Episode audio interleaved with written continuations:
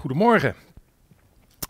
Ik zal uh, over ongeveer dezelfde, de, dezelfde gebeurtenissen spreken als waar net Mirjam over uh, verteld heeft. alleen wat ik vertel, dat is meer bedoeld ook voor de groten, voor de volwassenen. Um, nou is er bij de uh, Dabarbrief zat er ook nog een woordbingo voor de 8-plussers. Uh, dus je kunt proberen af te strepen of ik, uh, nou, welke woorden ik gebruikt heb. En als het goed is, blijft er dan één woord over. En dat zal ik helemaal aan het eind verklappen. Goed, het is 10 januari, dus het mag nog. Ik wil u allen een heel goed en gezegend 2021 toewensen. Maar ja, wat is dat eigenlijk? Een goed jaar, een goed nieuw jaar. Wanneer is een jaar goed? Is dat als uh, corona straks weg is? Is het goed wanneer misschien allerlei plannen die je hebt, dat die slagen? Dat je goede resultaten voor je studie hebt? Is het goed als uh, je misschien gezond blijft of misschien gezond wordt in 2021? Um, is het goed als het goed gaat met je baan? Wanneer is het eigenlijk een goed jaar? En ik denk eerlijk gezegd dat we heel vaak kijken naar omstandigheden om te bepalen of iets goed is. Uh, wanneer ons werk lukt, wanneer we ons goed of ge gezond voelen, uh, dan is het goed. Nou heeft dat natuurlijk een nadeel.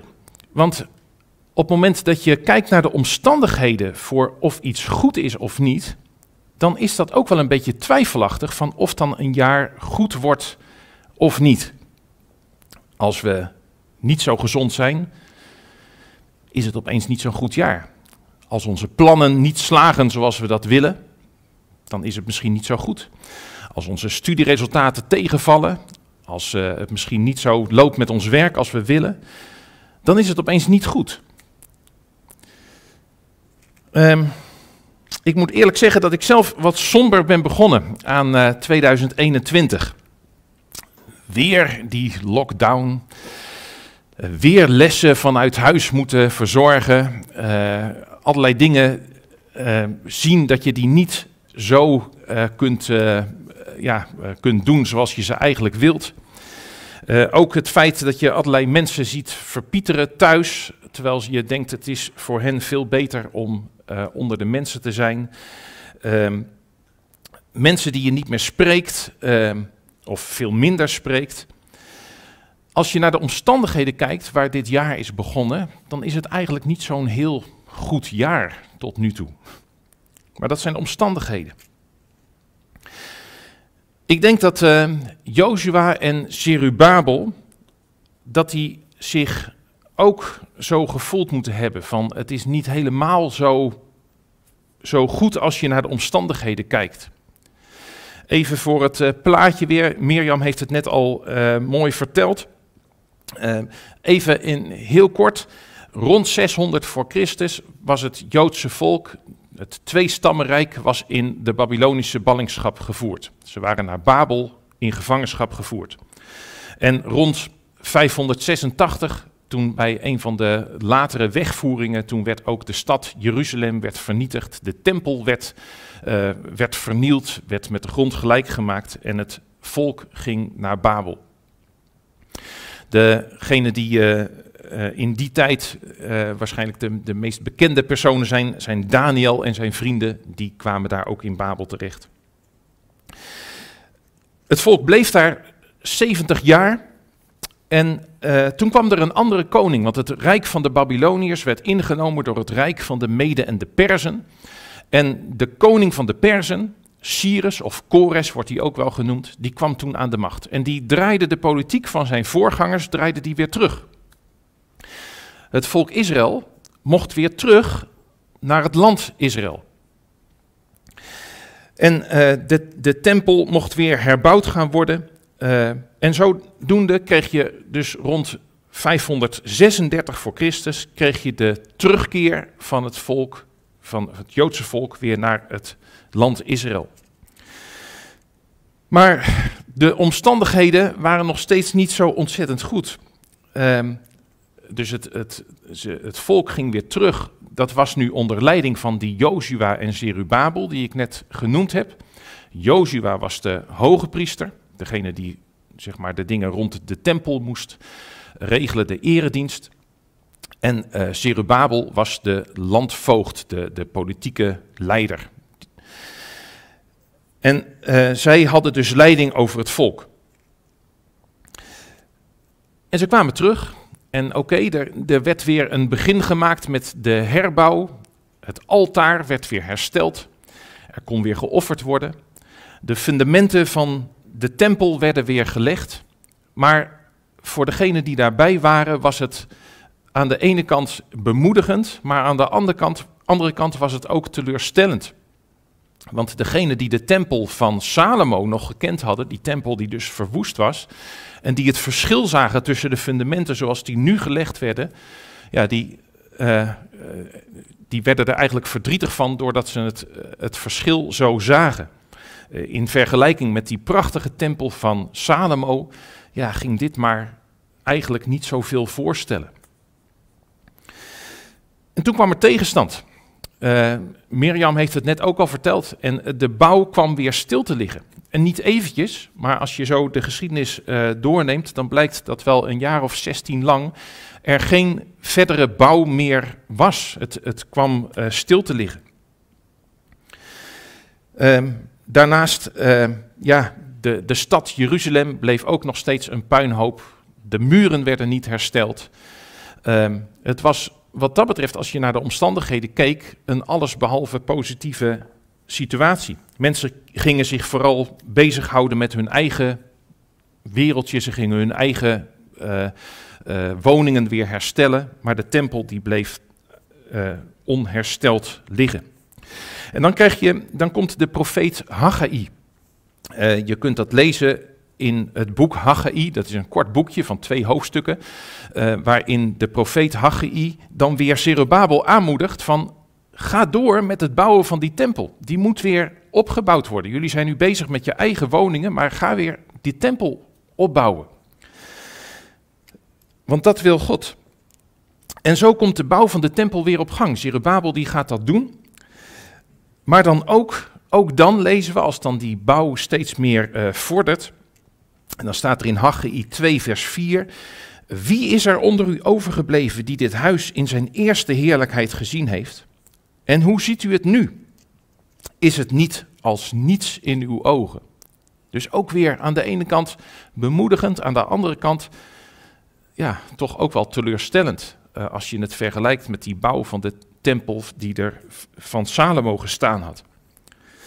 Dus de situatie is Jozua is een hoge priester bij een tempel die eigenlijk een schijntje is van de tempel die er had gestaan. In een stad die nog steeds in puin ligt, waar het alles behalve voorspoedig gaat. En Zerubabel is de landvoogde bestuurder in een gebied waar het ook nog alles behalve een bloeiende streek is. Die Zerubabel is trouwens een achterkleinkind van koning Joachim. Hij is dus van koninklijke bloeden, eigenlijk.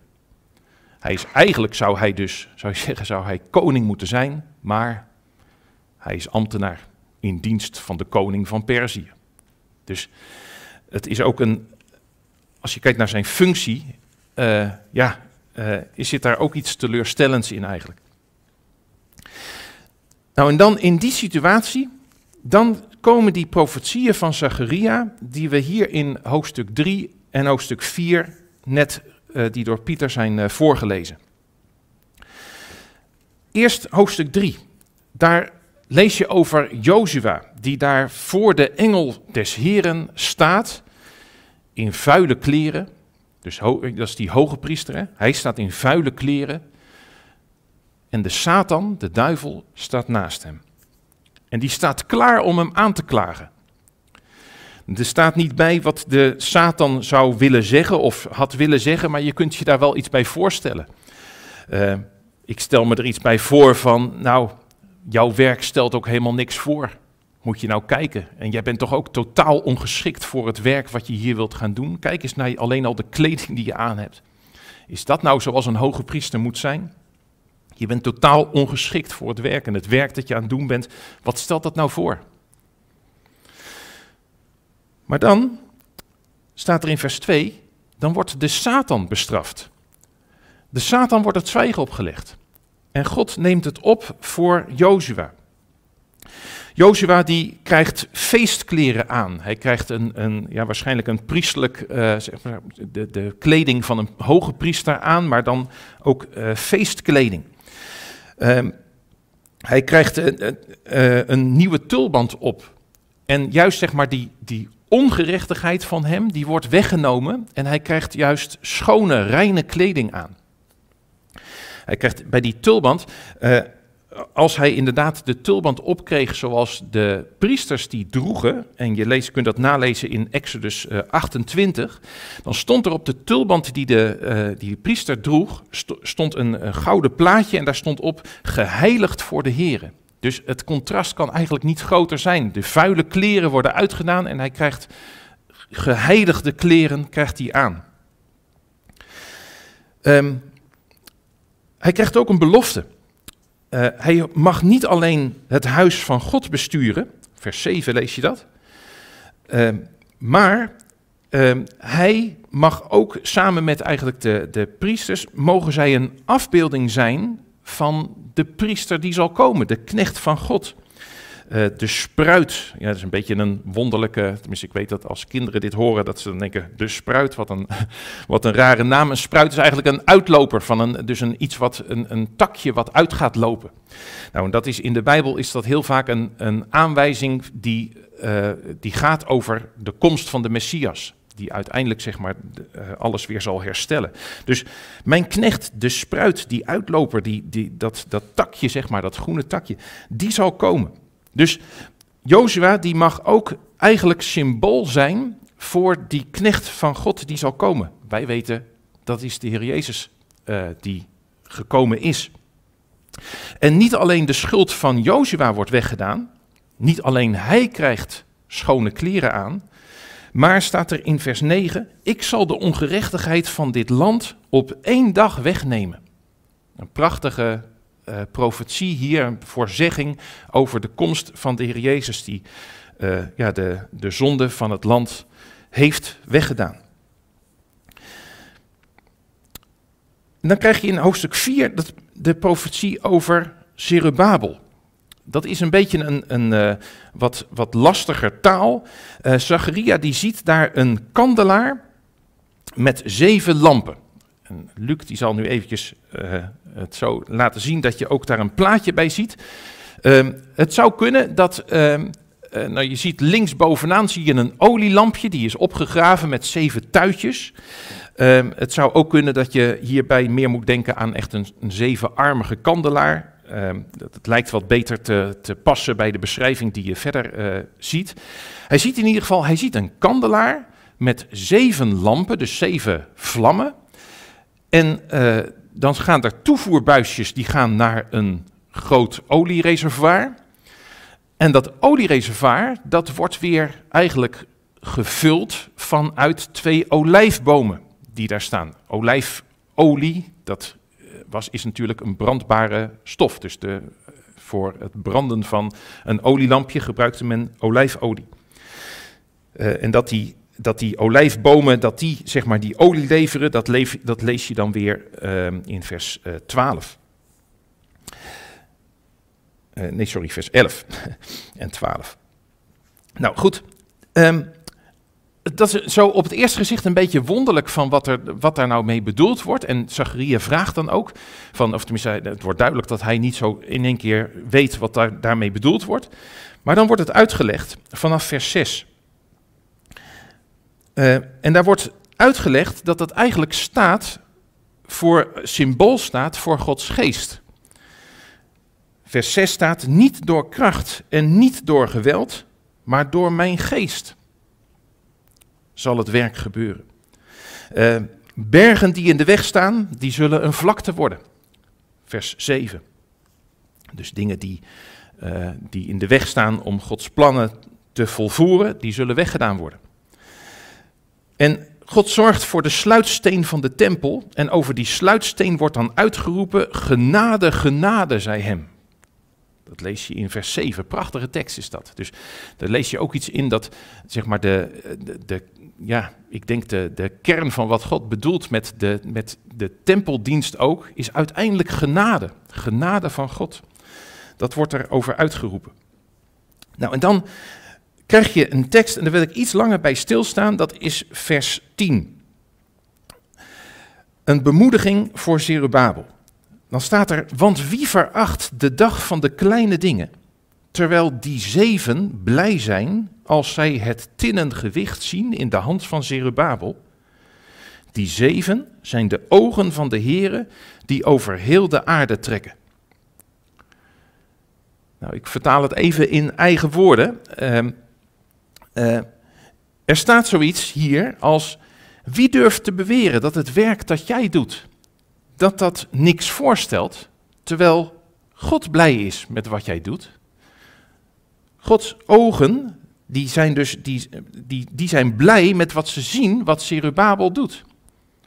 Dat lees je in vers 10. Terwijl die zeven blij zijn, en die zeven zijn dus de ogen van God, terwijl die zeven blij zijn met het tinnen gewicht in de hand van Zerubabel. Dus ogenschijnlijk stelt het werk van Jozua en van Zerubabel niet zoveel voor. Maar dat is niet waar.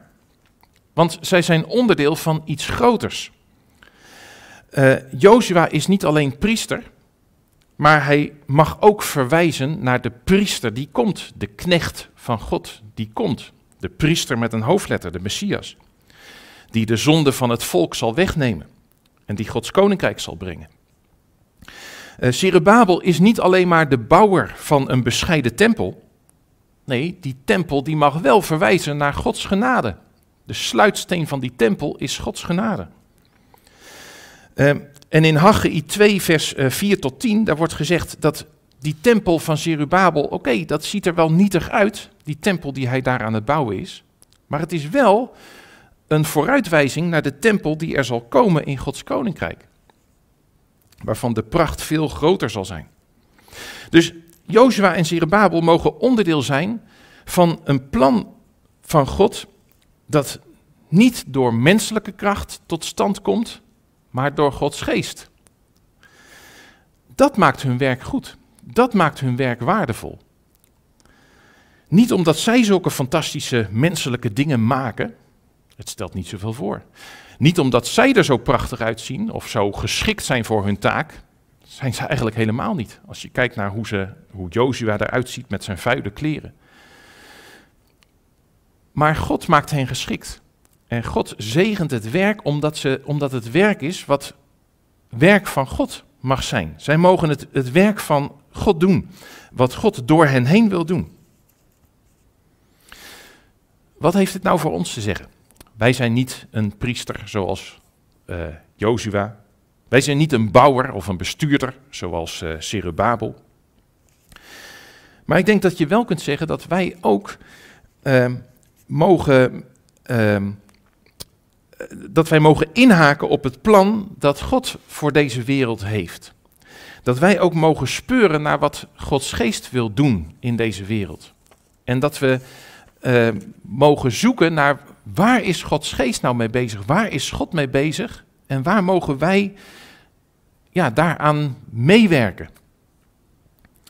Dat is dus niet geforceerd zelf aan de slag gaan. Uh, zelf activistisch allerlei dingen tot stand willen brengen. Want ik vind het mooie wat hier staat in dit gedeelte. Uh, het werk dat God doet is niet door menselijke kracht, niet door menselijk geweld, maar het gaat door Gods geest. Gods, uh, als God iets aan doen is, dan, hoeft, heeft hij daar helemaal geen, geen krachtige mensen voor nodig. Het is dus speuren naar waar Gods geest mee bezig is.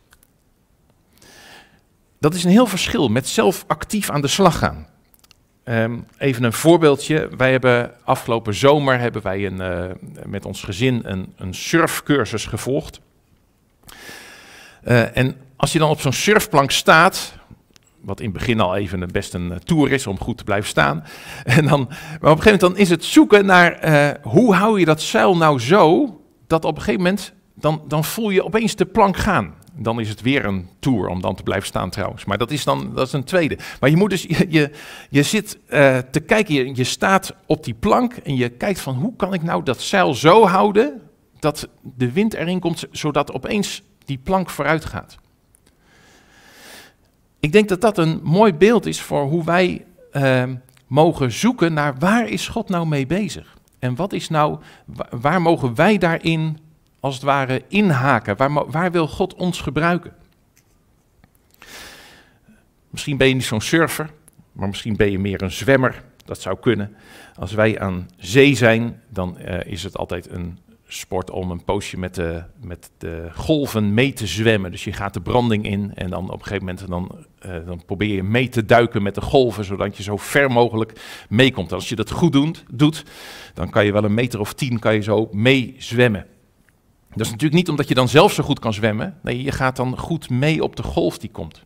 Nou, hetzelfde beeld eigenlijk als met die surfplank. Van, uh, ik denk dat wij moeten kijken van wat is, waar is God mee bezig en waar wil God ons misschien daarin gebruiken. Um, ik denk dat wij heel vaak als we bidden ons afvragen, uh, Heere, wilt u ons helpen met al onze plannen? Maar ik denk dat we dat moeten omdraaien. Dat we moeten kijken van, heren, waar bent u mee bezig en waar wilt u ons misschien gebruiken? Als wij bidden, dan hebben we heel vaak het idee dat, dat wij uh, er moeite voor moeten doen om onze wil bekend te maken in de hemel. Maar ik denk dat het andersom moet zijn. Dat wij ons af moeten vragen, wat wilt u doen hier op aarde? En waar wilt u ons misschien gebruiken? Dat is volgens mij een hele andere manier van ook hoe je, uh, hoe je bidt. Uh, heren, wat wilt u doen? In plaats van, heren, dit zijn mijn plannen, wilt u die zegenen? Tja, ach ja, en misschien denk je dan, ja, dat geldt nou niet zo erg voor mij allemaal.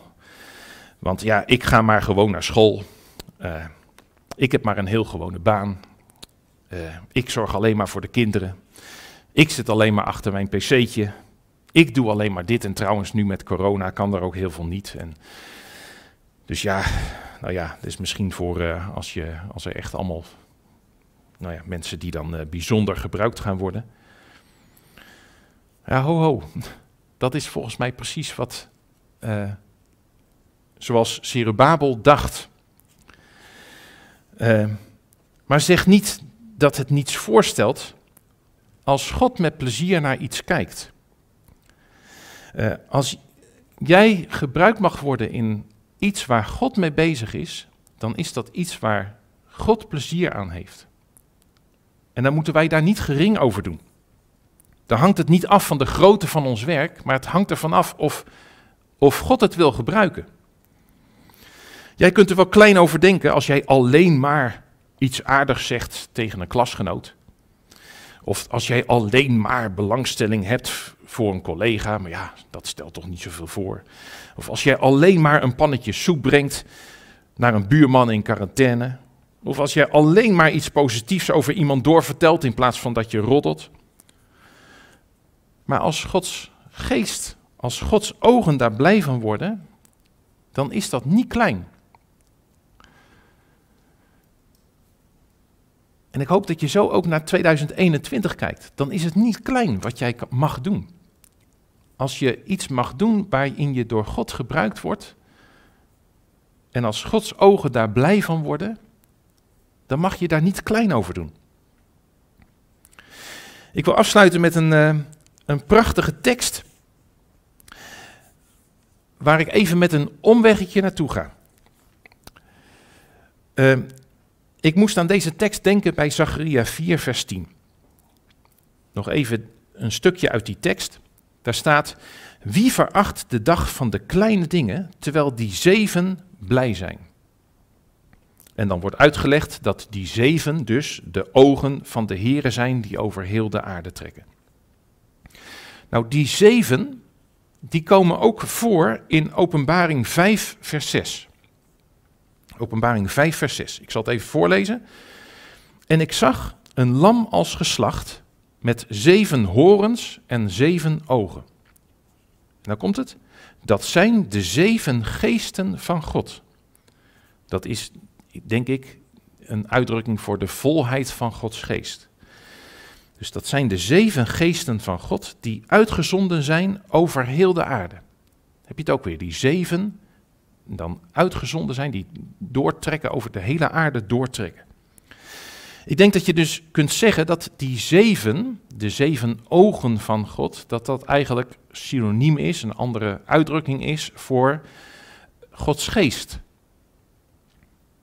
Nou, met dat even in het achterhoofd wil ik je deze tekst meegeven. Die tekst staat in 2 Kronieken 16, vers 9. Er staat een prachtig tekst. Want de ogen van de Heere trekken over de hele aarde om zich sterk te bewijzen of om krachtig bij te staan aan hen van wie het hart volkomen is met hem. Dus de ogen van de Heere, ik denk het dus synoniem voor Gods geest, trekt over de hele aarde om krachtig bij te staan. Ik, heb hem ooit eens uit mijn hoofd geleerd in de MBG-vertaling. Hen wier hart volkomen naar hem uitgaan. Dus daarom ik moet altijd even wennen aan de uh, herziende statenvertaling. Maar hier staat dus aan hen van wie het hart volkomen is met hem. Dat is de herziende statenvertaling. Nou, als ons hart dus volkomen naar God uitgaat en verlangt om mee te werken aan waar hij mee bezig is, dan zal Hij met zijn geest ons krachtig bijstaan bij de dingen die we doen. Wanneer wordt 2021 nou een goed jaar? Als het pas een goed jaar wordt, wanneer al onze plannen lukken, dan is het twijfelachtig of 2021 een goed jaar wordt. Maar als wij speuren naar wat God aan het doen is en Hij ons wil gebruiken in Zijn plan, dan wordt 2021 zeker een goed jaar. En dat wens ik ieder van jullie van harte toe. Ik uh, zou graag ook met jullie bidden.